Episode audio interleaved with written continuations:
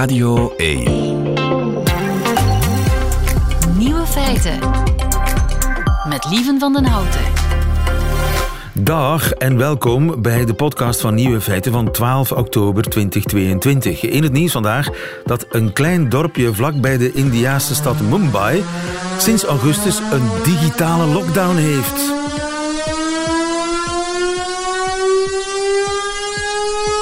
Om 7 uur s'avonds loeit de sirene en dan is het smartphones neer, computers dicht.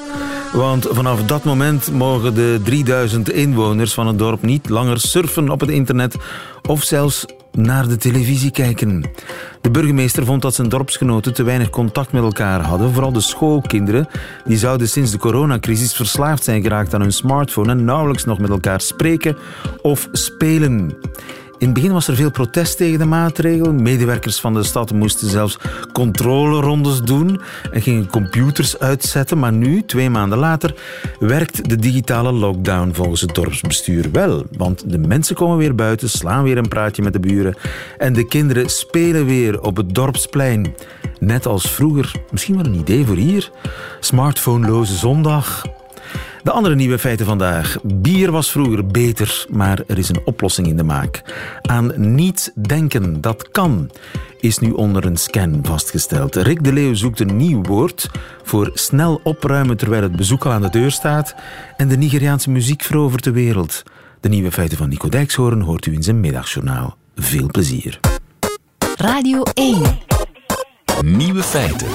Ik zal u iets vertellen dat u misschien zal verrassen. Een pintje, dat smaakte vroeger veel beter. Maar die tijd komt misschien terug. Met dank aan Johan Tevelijn. Goedemiddag, meneer Tevelijn. Goedemiddag. U bent eh, emeritus hoogleraar moleculaire biologie. En ja, ik kan er natuurlijk zelf niet van getuigen. En we kunnen het vandaag niet meer testen, want ja, bier uit de jaren 60, dat is sowieso niet meer te drinken, pilsbier. Maar in de jaren 60 waren pintjes lekkerder of smaakten ze anders. Hoe komt dat? Wel, het is zo dat uh, vroeger, uh, voor eeuwenlang, werd bier gebrouwen in horizontale open fermentatievaten. En uh, in de jaren 60, 70 is men gaan overschakelen naar grote cylindroconische vaten, die veel gemakkelijker te onderhouden waren, te, te vullen, te, te, schoon te maken. En die ook gesloten en, waren? Ja, die, die grote containers zijn dus gesloten, terwijl dat de vorige open, uh, horizontale vaten open waren. En doordat die gesloten waren, is dus de CO2 die door de gist ook geproduceerd wordt naast de alcohol, die stapelt dus op in die, in die fermenters en die heeft een CO2-druk. En men heeft dan tot schade en schande uh, waargenomen dat die CO2-druk de aromaproductie door de gist tegengaat. tegenwerkt, ja. Dus bepaalde gisten kunnen hun werk minder goed doen omdat de druk te hoog is in die gesloten vaten. Ja, de CO2-druk, ja, inderdaad. En u denkt daar iets aan te kunnen doen? Wel, wij hebben dan uh, een, een, screening gedaan van giststammen die eigenlijk meer tolerant waren tegen die inhibitie door die koolstofdioxide van de aromaproductie. En meer specifiek hebben we ons geconcentreerd op de productie van bananensmaak, wat een van de belangrijkste componenten is van het hele aromaprofiel in alle alcoholische dranken. Okay. En wij hebben één stam gevonden, dat was eigenlijk een stam van Japan, een sake-stam, die dus uh, veel meer tolerant was tegen die uh, uh, inhibitie door die koolstofdioxide dan de andere giststammen. Dus onder invloed van te veel CO2 produceren bepaalde gisten minder bananensmaak? Ik wist niet dat pintjes naar bananen smaakten, maar goed, dat zal dan wel. Ja, maar dat is dus wel één van de componenten ja. van het hele aromaprofiel. Ja. Natuurlijk, als een pint alleen maar bananensmaak ja, zou hebben, dan zou dat ook niet zo goed smaken natuurlijk. Ja, maar er zijn dus gisten die daar beter tegen kunnen. En um, dan is het natuurlijk de kwestie om die gisten te gebruiken. Ja, maar dat is dan juist het punt. Giststammen zijn dus zeer specifiek. Hè? Je kunt met een bepaal, om een bepaald bier te brouwen, had je één wel bepaalde specifieke giststam gebruiken. En als je die giststam verandert, dan krijg je dus een ander bier. Meer dan 80% van, van, de, van het aromaprofiel van een, van een bier wordt bepaald door de specifieke giststam die je gebruikt. Het is de gist die het bier maakt. Ja, het is de gist die het bier maakt. Bij wijn is dat, is dat anders. Hè? Daar is het is eigenlijk vooral de druif die de, de smaak van de wijn bepaalt. Maar bij bier is het vooral de gist die dat bepaalt. Oh, dus we kunnen niet zomaar van gist veranderen? Nee, nee. En dan komt het er inderdaad op aan om te vinden waaraan ligt dat nu? Aan welke genen ligt dat nu dat die ene giststam beter tegen die koolstofdioxide-inhibitie kan dan de, dan de andere commerciële giststammen?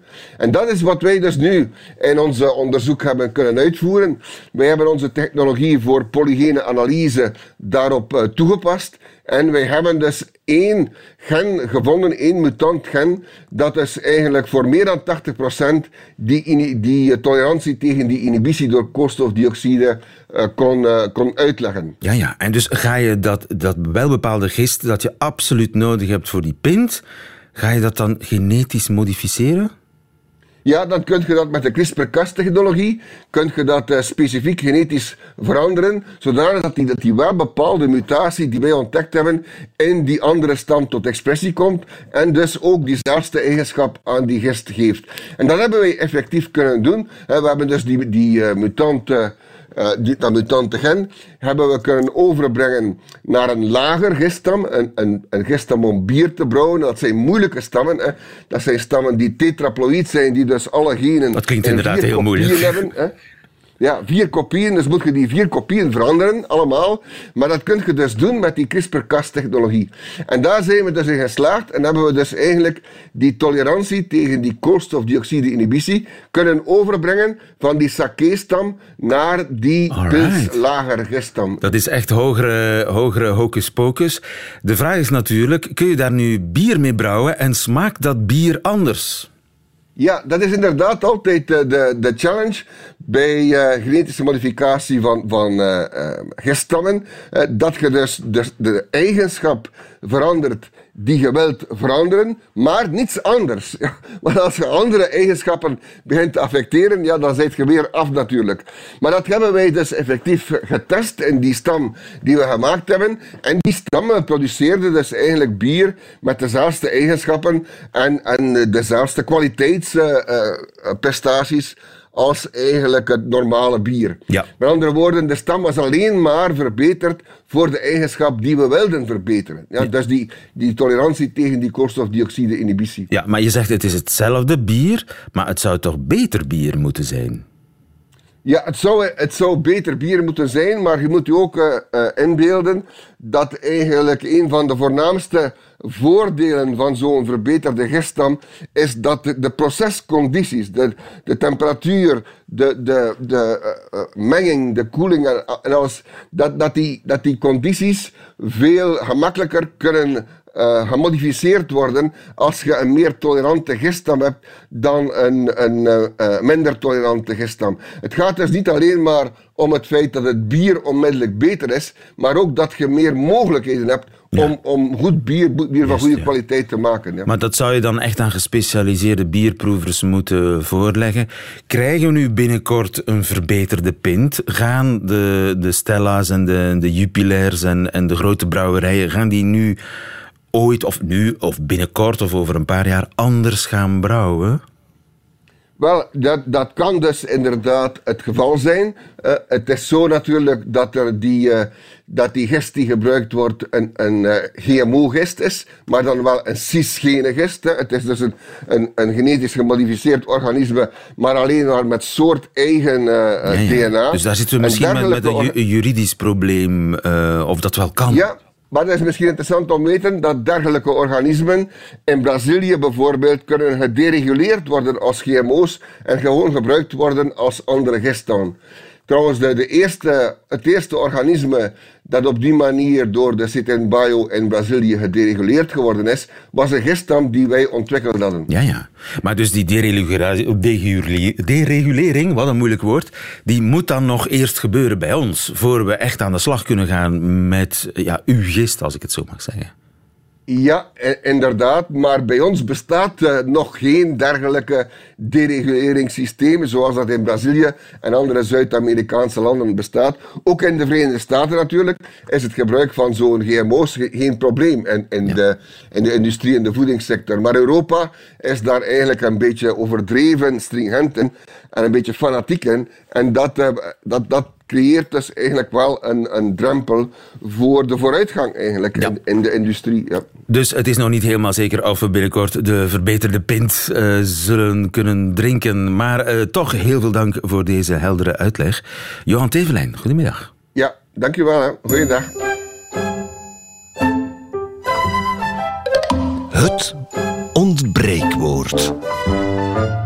Rick de Leeuw gaat op zoek naar woorden die in onze taal helaas nog niet bestaan. Het woord woensdagheld bijvoorbeeld, dat bestaat nog niet, maar het zou kunnen bestaan, want eh, er- we hebben een woensdagheld en dat is Rick de Leeuw.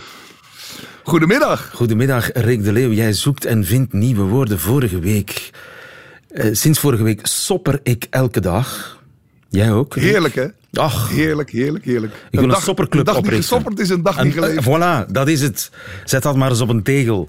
Sopperen, eh, weet jij het nog wat het is, Ruud Hendricks? Tuurlijk, ik heb het ook gedaan. Je hebt het ook gedaan? Ja, met een stukje... Welkom bij de sopper. Ja, ja, ja, met een stukje brood, zo de laatste restjes pasta saus o- op soppen. Heerlijk, heerlijk. Ja, en eerder vondsten waren pliederen, nieuw woord voor lachen en huilen tegelijkertijd. En nesties, een woord voor je broers en zussen. Dus die ontbreekwoordenlijst die wordt alsmaar langer. Met dank ook aan de luisteraar van Radio 1 voor zijn geweldige creatieve eh, suggesties. Met dank aan Ruud Hendricks, de hoofdredacteur van Vandalen, die elke week de knoop doorhakt. Rick, wat was de opdracht vorige week? We zochten deze week een Nederlands woord voor die razendsnelle opruimactie als er onverwachts bezoek aanbelt. Juist. En die opruimactie bleek nogal herkenbaar te zijn voor de luisteraar van Radio 1. Honderden inzendingen kregen we binnen, waarvoor heel veel dank. Het is ook geweldig om te zien dat het ontbreekwoord via de lessen Nederlands stilaan een vast onderdeel aan het worden is van het middelbaar onderwijs. We krijgen steeds vaker eh, inzendingen van leerlingen die aangespoord door hun leraren Nederlands ontbreekwoorden insturen. Wauw, En dat is toch een grote eer? een grotere eer kan ik me niet voorstellen. Nauwelijks, nauwelijks, nauwelijks. Maar, Dank leraren Nederlands in Vlaanderen en Nederland. Ehm, top zes. Genoeg daarover. Top. De meest voorkomende suggestie van deze week was blitzclean. Een fraai huwelijk tussen het Duits en het Engels. Maar ehm, je hoeft de juryvoorzitter maar te kennen om te denken dat hij daar zo zijn twijfels bij gaat hebben. Blitzclean. Is dat niet zo? Dat is zo. Een blitzclean. Dat is zo. Ja, dat klinkt goed. Het klinkt een goed, blitzclean. maar we kunnen beter. We moeten een blitzclean doen. We kunnen beter. Ja. Daarnaast is er de voorbije week heel wat afgepoetst.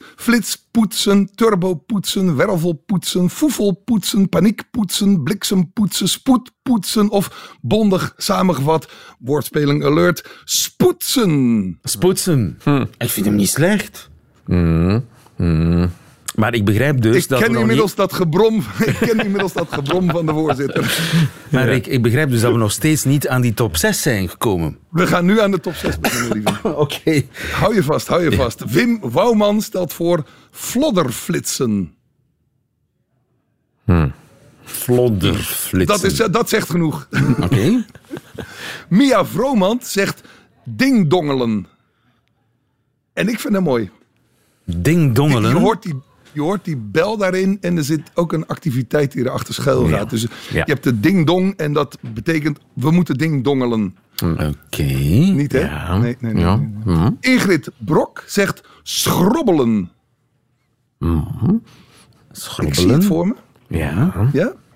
Eh Jeroen Scharrelen, Deen. schrobbelen, Ja. schrobben. Het, zit, het, het, het, het bellen zit er ook in.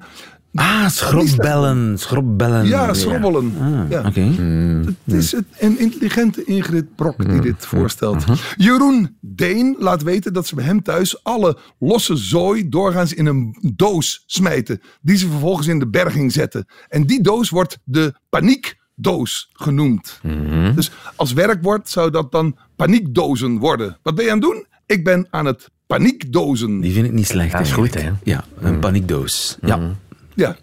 Ehm, Claudia Nieuwenhuizen zegt een tomaatje. Ze heeft zelf... Ja, Een ze, tomaatje. heeft zelf, ze heeft zelf geen idee waar dat vandaan komt, maar bij haar, bij haar thuis heet dat gewoon zo.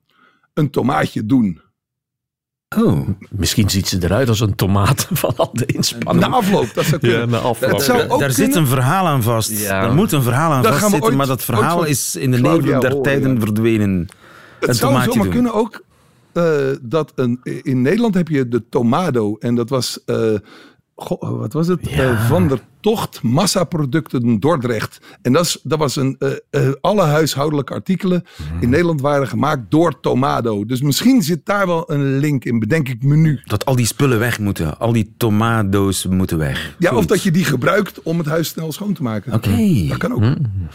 We zullen het wel nooit weten. Of Claudia moet straks even inbellen. En Serge David tenslotte zegt roefelen. En die heeft dat dan bij, bij voorkeur op zijn West-Vlaams uitgesproken. Ik weet niet waarom. En dat klinkt onder dan al roefelen. Roefelen. Roefelen. Roefelen. Oh, nog zeer roef- roefelen. Zoiets. Precies dat. Ehm, ik vind dat een schitterende top 6 eerlijk gezegd. Ja, Ja. Eh, ik denk dat eh, Ruud Hendrik ziet er iets minder enthousiast uit. Maar ja, we hebben een ander Ja, maar, dat, maar, maar dat, dat- ik zie er altijd minder enthousiast uit. Maar dat Dat is betekent de aard van het beestje. Dat is de aard van het beestje. Maar nee, ik was wel enthousiast over eh, het concept van, van de paniekdoos. Aha. En, en waarom? Omdat ja, het, in het woord zelf zit al dat paniek. Hè, van help, er wordt aangebeld en alles ligt hier overhoop. Dus dat elementje paniek erin, dat vind ik prima. Paniek poetsen vind ik minder. Omdat je eh, niet... In die, in die paar minuten kun je Echt- niet ineens echt echt gaan schoonmaken. Nee, nee. Dat zit er niet in. Hè? Maar natuurlijk dat idee van zo'n doos waar je alles in kiepert. Ja. En van, het is aan de kant, hup, alles in, op een hoop. Ja. Dat spreekt me wel aan. Dus mijn keuze is paniekdozen. We hebben hem. Schitterend. We hebben, We hebben hem. hem. Er is Paniekdoos. En witte rook. En wie moeten we feliciteren? Eh, Jeroen Deen, dankjewel voor deze bijdrage. Vanaf nu paniekdozen wij allemaal. En bijna dagelijks. Gefeliciteerd Jeroen Deen. Heb jij een opdracht voor deze week, Riek? Jawel. Wat zoeken we? Want sommige dingen gebeuren snel. Heel snel. Zo kunnen sommige mensen van de ene dag op de andere grijs worden. Met een astronomische energierekening worden opgescheept. Of een wereldhit scoren. En het gaat me nu even niet om dat grijs worden. Om die wereldhit. Om die energierekening. Het gaat mij om dat van de ene dag op de andere. Dat zijn zeven woorden. Tel maar na, zeven woorden. En dat is misschien wat veel, liet luisteraar Nico ons weten. Want het Engels heeft daar maar één enkel woord voor nodig. Overnight. Juist. Als een Engels... Precies. Als een Engelsman het heeft over een overnight sensation, weten we precies wat hij daarmee bedoelt. Dat is een plots en enorm succes. Van de ene dag op de andere.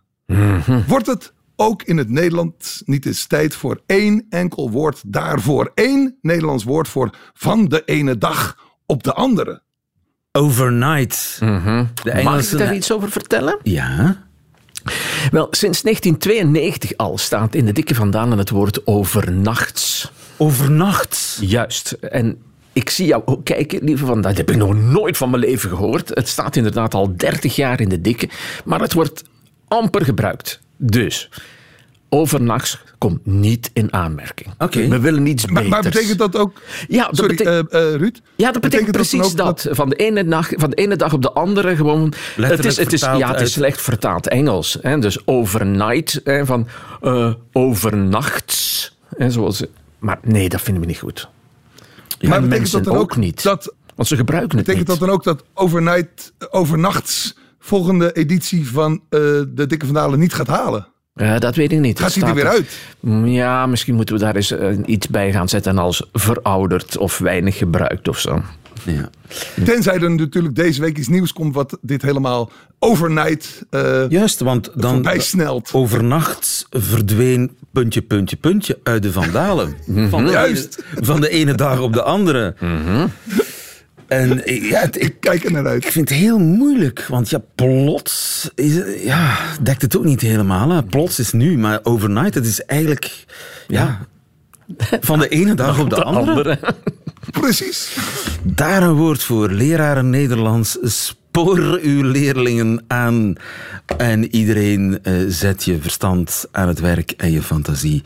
En wie weet vindt u het volgende ontbreekwoord uit. Ik kijk er naar uit. De suggesties zijn welkom op eh, de Facebookpagina van Rick de Leeuw, begrijp ik.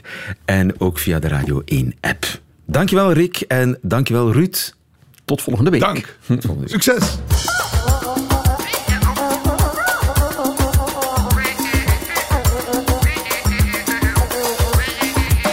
Nieuwe feiten. Radio 1. Beyoncé, Justin Bieber, Ed Sheeran, allemaal staan ze in de rij om met een Nigeriaanse artiest samen te werken.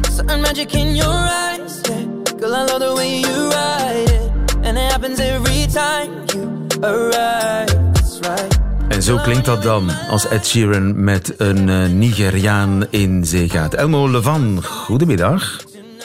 Goedemiddag, lieve. Elmo, je bent cultuurjournalist bij De Morgen en Knak Focus. Eh, we horen hier Ed Sheeran, maar hij werkt samen met een Nigeriaan. Met wie is dat? Dat is, eh, dit is, is met de Fireboy DML, een artiest wiens naam jou misschien niks zegt. Helemaal maar ja, nee, nee, nee, nee. nee. Fireball, Ik, ik, als ik, ja, Fireboy. Fire, vuur, vuurjongen DML. ja, klopt, ja. En wie is hij? Ja, dat is dus een, een jongen die, die de laatste eh, maanden ineens eh, in, in de aandacht komt. Eh, Hij had eerst wel al eens een, een, een internethit gescoord en dan heeft ja, Ed Sheeran opgebeld en, en blijkbaar gezegd van kijk, we, we moeten eens samenwerken. Eh, hij is niet de enige Fireboy die, die het geluk heeft eh, om, om ja, aangesproken te worden door grotere sterren. Ehm, een artiest als, als Rema, die morgen in Brussel optreedt, eh, heeft, heeft al eh, samenwerking met Selena Gomez. Ehm, Beyoncé heeft voor haar laatste plaats eh, samengewerkt met Thames, ook een eh, Nigeriaanse artiest. Dus het, is, eh, het, is, het lijkt wel een, een nieuw fenomeen. Het is een hype, een Nigeria-hype. Ja, klopt. Ja. Ja, ik denk voor de luisteraars die ja, de popmuziek van nabij volgen, is die opmars van Nigeriaanse artiesten niet meteen een nieuw fenomeen. Ik denk zo Burna Boy of, of Wizkid of Mr. Easy zijn in het wereldje wel al langer gevestigde namen. Ehm, ook zij hebben dat wel te danken aan, aan samenwerking met grotere sterren zoals een Drake, een Diplo of, of eh, Major Lazer. Maar het is wel een fenomeen van het ja, laatste jaar heb ik de indruk dat die eh, grote sterren in zee gaan met de minder gevestigde namen. En dat heeft te maken met hun eh, eh, succes op de, ja, de, de sociale media en ook op de streamingdiensten. Ja, onder meer. Hè. Ik denk, eh, er is, eh, mij is, deze, is, is dit eigenlijk allemaal opgevallen toen ik eh, eh, op een bepaald moment door TikTok was aan het scrollen en ik, ik hoorde voortdurend eh, een deuntje. En, en ik dacht van, eh, wie is deze artiest? En bleek het nummer Love Nwantiti te zijn van eh, CK. Ehm, echt om de zoveel eh, scrolls hoorde je plots dat nummer op TikTok. Uiteindelijk is, is het, het grootste, eh, de grootste commerciële eh, hit ooit ja, geworden, die uit Nigeria komt, of uit Afrika zelfs. En, en toen begon het mij toch te dagen van ja, er is toch iets gaande in Nigeria. En als je het dan gaat opzoeken, ja, dan, dan zie je dat iedereen vandaar komt. En het internet helpt er natuurlijk bij. Ik denk, ja, eh, een heel dankbare manier, niet alleen eh, Spotify of andere streamingdiensten, maar ook een TikTok of een Snapchat om, eh, om jouw muziek ja, de, de wereld te laten rondreizen. Ja. En wie is dit? Burna Boy. When the bed they enter body, enter body. All the girl them go shake their body, they go shake their body. Is dat ook zo iemand die uit het niets komt? Ja, in Burna Boys is het natuurlijk een ander verhaal. Burna Boys is al langer eigenlijk aan, aan de weg aan het timmeren. Eh, in 2019 bijvoorbeeld eh, heeft hij nog in, in België in Paleis 12 opgetreden. Was hij ook eh, een van de namen op het Coachella Festival ehm, in Californië. Ehm, is al iets langer bezig. Eh, Ik denk, het Nigeriaanse fenomeen is zeker geen nieuw fenomeen. Hè. Zoals ik daarnet al zei, van ehm, ja, iemand als Burna Boy of, of Wizkid, ja, zij zijn wel al langer bezig. Of, of daar is toch al langer van geweten dat zij, dat zij talent hebben. Eh, maar ja, voor Burna Boy bijvoorbeeld, hij is nu ja, op festivals als Les Ardentes, als ik me niet vergis, was hij dit jaar een van de headliners. Ja, dat is iemand die, die eigenlijk een beetje ja, het ellebogenwerk heeft eh, gedaan voor, voor ja, artiesten zoals Rema of die eh, Fireboy DML. Ja, en wat zit daar in de grond in Nigeria? Ja, ja dat, dat vraag ik mij ook af. Het is, eh, het, is, het is vooral opvallend omdat ja, vroeger er niet meteen naar Nigeria werd gekeken. Hè. Ja, we kennen natuurlijk wel allemaal iemand als, als Fela Kuti, die, die best wat teweeg heeft gebracht. En, en iemand als Sunny King AD. Dat zijn dan wel twee namen die, die hun stempel hebben gedrukt op, op, op ja, de muziekgeschiedenis. Het zijn ook wel Nigerianen, maar ja, zij moesten letterlijk hun droom najagen. En ze zijn dan naar eh, Amerika gegaan om opgevallen eh, te worden. En terwijl dan nu merk je dat ja, Nigeriaanse popmuziek het stadium heeft bereikt waar de wereld eigenlijk naar hen toe komt. En het is denk ik ja van het, het, lijkt mij vooral een interessante markt voor die eh, nieuwe sterren. Hè. Uh, een paar jaar geleden had je hetzelfde fenomeen met, met Latino-muziek. Dan zag je plots dat uh, iemand als Selena, Ariana Grande liever, ehm, ging samenwerken met, met, met iemand als Bad Bunny of J Balvin. Dat zijn allemaal namen die, ja, die, die plots ehm, in de aandacht kwamen doordat al die grote sterren naar hen toe kwamen. En dat was eigenlijk voor mij voor hetzelfde, ja, omdat zij plots een, een nieuwe markt zagen. Zij konden een nieuwe muziekmarkt aanboren en, en Afrika is, is een relatief nieuw, uh, nieuw continent dan, uh, aangezien dat ja, streaming is daar is daar een, een, eerder een recent fenomeen. Hè. Dus niet zoals bij, bij ons, uh, waar wij al, al tientallen jaren aan het, uh, aan het streamen zijn. Juist, maar dus die streaming en het feit dat dat ook uh, vanuit Nigeria perfect mogelijk is, dat maakt dat Nigeriaanse muziek vanuit de niche naar de mainstream kan stromen, letterlijk. Ja, ja dat, dat, dat komt het eigenlijk wel op neer. Nu, ik, ik, ja, een kleine kanttekening. Ik denk, je moet het succes ergens ook wel in, in perspectief zien natuurlijk. Hè. Want ja, die streamingcijfers die zijn hallucinant. Ik denk dat elke Belgische artiest droomt van de, de cijfers die uh, iemand als CK of Reba uh, deze dagen Een haalt. half miljard, uh, las ik ergens. Ja, ja, klopt. Ja. Dat gaat echt vaak, die nummers die gaan makkelijk boven 100 miljoen streams. dat is indrukwekkend. ik, ik zeg het, ik, ik, denk iemand als Oscar en de Wolf zou ervan dromen om zoveel streams te behalen. maar het gaat hier natuurlijk over Um, ja, streamingcijfers en cijfers zeggen niet alles. Hè. Uh, iemand als, als CK die heeft met Love From Titi en dan mede dankzij TikTok maar ook ja, verschillende versies, hè, waaronder zo'n samenwerking met een Marokkaanse rapper, die ervoor heeft gezorgd dat het ook een hit werd in Noord-Afrika, in het Midden-Oosten. Um, maar hij speelt bijvoorbeeld in november wel maar in de orangerie van de Botaniek. Dat is een zaal met een capaciteit van 650 staanplaatsen. Um, dus ja, het is natuurlijk de vraag van, ja, gaat dit succes wel tot meer leiden? Hè? Wilt dat dan ook zeggen dat zij hier in Europa gigantisch veel tickets gaan verkopen? Of is het ja, een, een, een, een tijdelijke ja, hype? hype gewoon. Een ja, tijdelijke het kan hype. natuurlijk een tijdelijke hype zijn, ja. En het heeft natuurlijk alles te maken met die aanstekelijke afrobeats, hè, waar ze in Nigeria kennelijk het patent op hebben. Uh, ja, klopt, ja. CK verovert de wereld. Laten we eens uh, naar CK luisteren. Dankjewel. Graag gedaan. Jelmo, goedemiddag.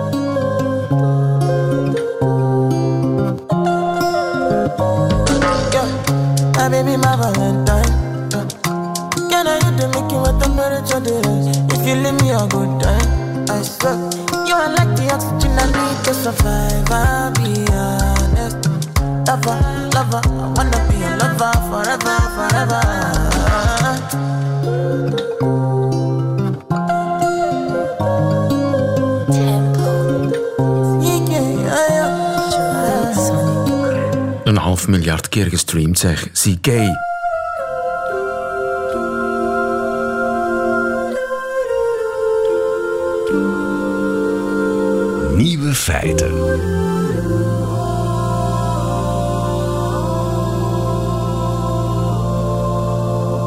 Denkt u altijd, gaat er altijd iets door uw hoofd dat u de vuilbak vanavond nog buiten moet zetten bijvoorbeeld? Of dat uw moeder vroeger uw haar knipte? Of dat de leeuweriken vroeger in de zomer hoog in de lucht hingen te kwinkeleren? Of is de mens in staat om letterlijk aan niets te denken? Dat is de vraag die Laurens van Kalster kan beantwoorden. Goedemiddag, Laurens. Goedemiddag. U bent een neuropsycholoog aan de Universiteit van Luik en een van de onderzoekers.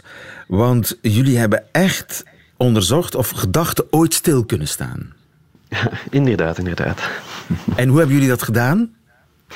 Um, we hebben mensen uh, te rust gesteld in een uh, MRI-machine en hun onder ja, een bepaald moment eigenlijk onderbroken, zou ik zo zeggen, en te vragen klassificeren, klassificeren wat hun uh, gedachtpatronen waren. Ja, dus mensen in een scanner gelegd en dan gevraagd, waar denkt u aan? Inderdaad, ja. En gebeurt ja, het soms dat, dat, dat, dat, mensen zeggen, oh, aan helemaal niets? Gebeurt dat ja. soms? Inderdaad, en dat was eigenlijk uh, iets dat we dan gezien hadden, dat mensen uh, soms zeggen van ja, eigenlijk dachten we aan niets. Um, en dat was dan ook een, uh, een interessant gegeven, zou ik zeggen. En dat zijn we dan een beetje meer gaan, gaan beginnen onderzoeken. Ja, en waar dachten mensen dan wel aan als ze ergens aan dachten? Oh, dat, dat kan natuurlijk heel gevarieerd zijn, ehm, maar dat kan bijvoorbeeld dingen zijn die eh, te maken hebben met de omgeving. Hè. Bijvoorbeeld, ja, u ziet iets, uh, een, een, vogel of zo, en je kijkt naar een vogel, je denkt daaraan.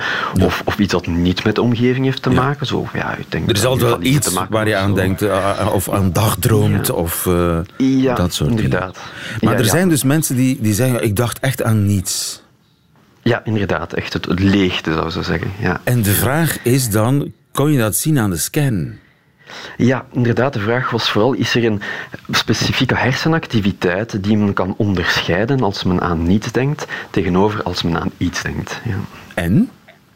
En uh, we hebben dus inderdaad gemerkt dat er een specifieke hersenactiviteit zou zijn uh, als men aan niets denkt. En dus dat is natuurlijk heel interessant voor uh, de komende onderzoek. Ja. En welke hersenactiviteit is dat dan? Het is, um, ja, het is specifieke interactie van verschillende netwerken. Um, ik ga het misschien niet zo gedetailleerd houden, want uh, dan zou het misschien een deel van het publiek kwijt zijn. Ja. Um, maar uh, het is, zou zeggen, een, een, een, verhoging in bepaalde connecties tussen verschillende netwerken. Ah, dat is wel eigenaardig, want dat zou, je, dat zou ik dan associëren met hoge activiteit. Als al die netwerken aan het connecteren zijn, dan denk je, dan ben je flink aan het nadenken. ja, inderdaad, men zou dat uh, denken, maar het is niet altijd zo, uh, voor verschillende redenen. Het is, uh, ten eerste, het zou kunnen zijn dat er inhibitienetwerken acti geactiveerd worden, hè, dus eigenlijk netwerken die dingen remmen. en tegelijkertijd zou het ook kunnen zijn dat er een overstimulatie is, um, een beetje zoals met ja, epilepsie bijvoorbeeld. Er is heel veel hersenactiviteit, maar natuurlijk, cognitief is er toch wel een, een, een terugvlak. Hè. Ah ja, dat je dan eigenlijk bewust nergens aan denkt, terwijl op een onbewust niveau er een soort hyperactiviteit aan de gang is. is ja, ja. Heeft dat een bepaalde functie? Ik bedoel, is dat gezond aan niets denken? Ja, um, het is nog een beetje te vroeg om echt uh, de functie hier te gaan bepalen, maar dat zou kunnen. Um, het zou kunnen dat er een soort, uh, wat we dan noemen homeostase, uh, ontstaat. Dus de, de, de, hersencellen gaan zich zo'n beetje terug, niet echt resetten zou ik zo zeggen, maar in, in evenwicht brengen. Dus dat, ja, ja. dat zou een mogelijkheid zijn. Um, maar het is een beetje vroeg om daar echt nu over, ja. over te beslissen. Want het doet een beetje denken aan wat zen-meditatie beoogt, hè? Ja, inderdaad. In meditatie zoeken we ook uh, vaak van type meditatie zoekt naar het niets denken. Dus aan niets denken. Dat zou misschien ook een piste kunnen zijn van ja, is, is dit vergelijkbaar? En uh, helpt dat dan inderdaad uh, voor cognitie? Voor, ja. en want dan is de vraag, kun je dat stimuleren? Kun je jezelf dwingen om aan niets te denken? Ja, inderdaad. Dat is een grote vraag. Um, wat dat de meditatie dan ook probeert te doen. Maar ja. misschien kunnen we met, met deze hersenactiviteit ook nakijken. Hè. Zien we dezelfde patronen uh, als, ja. mensen, als mensen mediteren. Dezelfde die we nu zien als mensen aan niets denken. Ja. Is het vergelijkbaar met slapen? Um, het is niet dezelfde staat als slapen. Slapen is een andere staat. Maar we zien uh, gelijkenissen tussen de twee patronen. Dus uh, het is niet compleet anders, um, maar het is ook niet hetzelfde. Ja. Maar hoe dan ook, het, uh, het, het, punt dat jullie aangetoond hebben, in Luik is het geloof ik, hè, dat jullie werken aan de universiteit, dat zoiets als aan niet denken, dat dat effectief bestaat en meetbaar is. Ja, inderdaad. En dat is eigenlijk de grote ontdekking, zou ik zo zeggen hier. Dat het, uh, dat het bestaat, dachten we al natuurlijk, maar hier kunnen we het uh, meer specifiek meten en dus beter onderzoeken ook. Ja. ja. en nu moeten we nog weten hoe we dat zo snel mogelijk kunnen bereiken, die staat van aan niet denken. Laurens van Kalster, dankjewel. Goedemiddag. Met plezier, goedemiddag. Dag. En dat waren ze, de nieuwe feiten van 12 oktober 2022. Alleen nog die van Nico Dijks horen nu in zijn middagjournaal. Nieuwe feiten. Middagjournaal. Beste luisteraars. Gisteren kwam een buurman bij ons een lamp ophangen. Ik kan dat zelf niet. Ik snap het concept boormachine niet. Andere mannen, handige mannen, die houden boormachines vast als een pasgeboren baby. Eindelijk een zoon na drie dochters, dat gevoel. Je ziet het ook als mannen een auto vlak voor de deur gaan repareren. Een open motorkap trekt andere mannen aan als vliegen.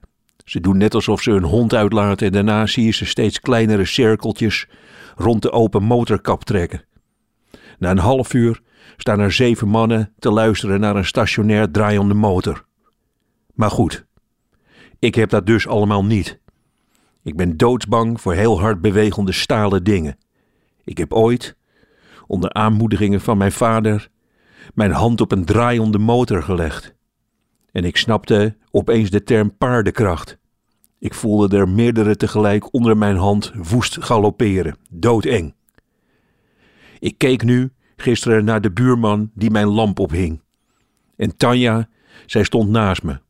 Het zou heel erg fijn zijn geweest als zij had gezegd: Nou ja, Niek, jij kan andere dingen weer heel goed.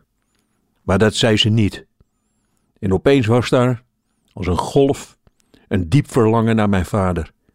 Hij zou dat heel anders hebben aangepakt. Mijn vader zou zijn eigen trapje hebben meegenomen.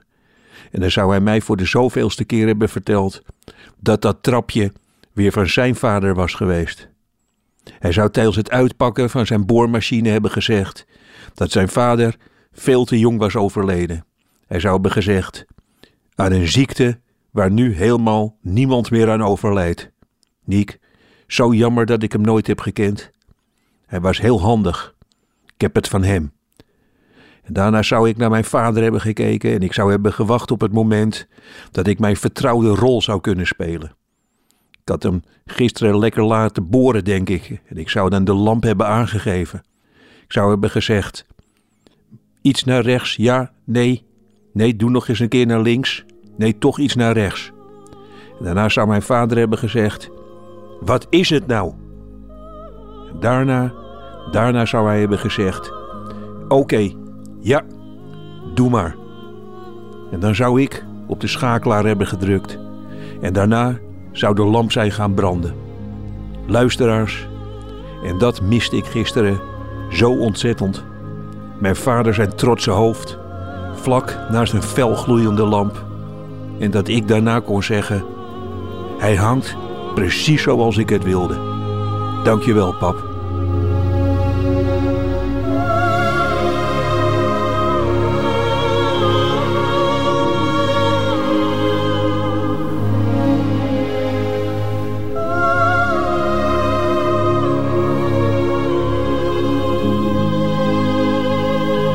Middagjournaal met Nico Dijkshoorn. Einde van deze podcast hoort u liever de volledige nieuwe feiten met de muziek erbij. Dat kan natuurlijk live elke werkdag tussen 12 en 1 op Radio 1 of on demand via de Radio 1 app of website. Tot een volgende keer.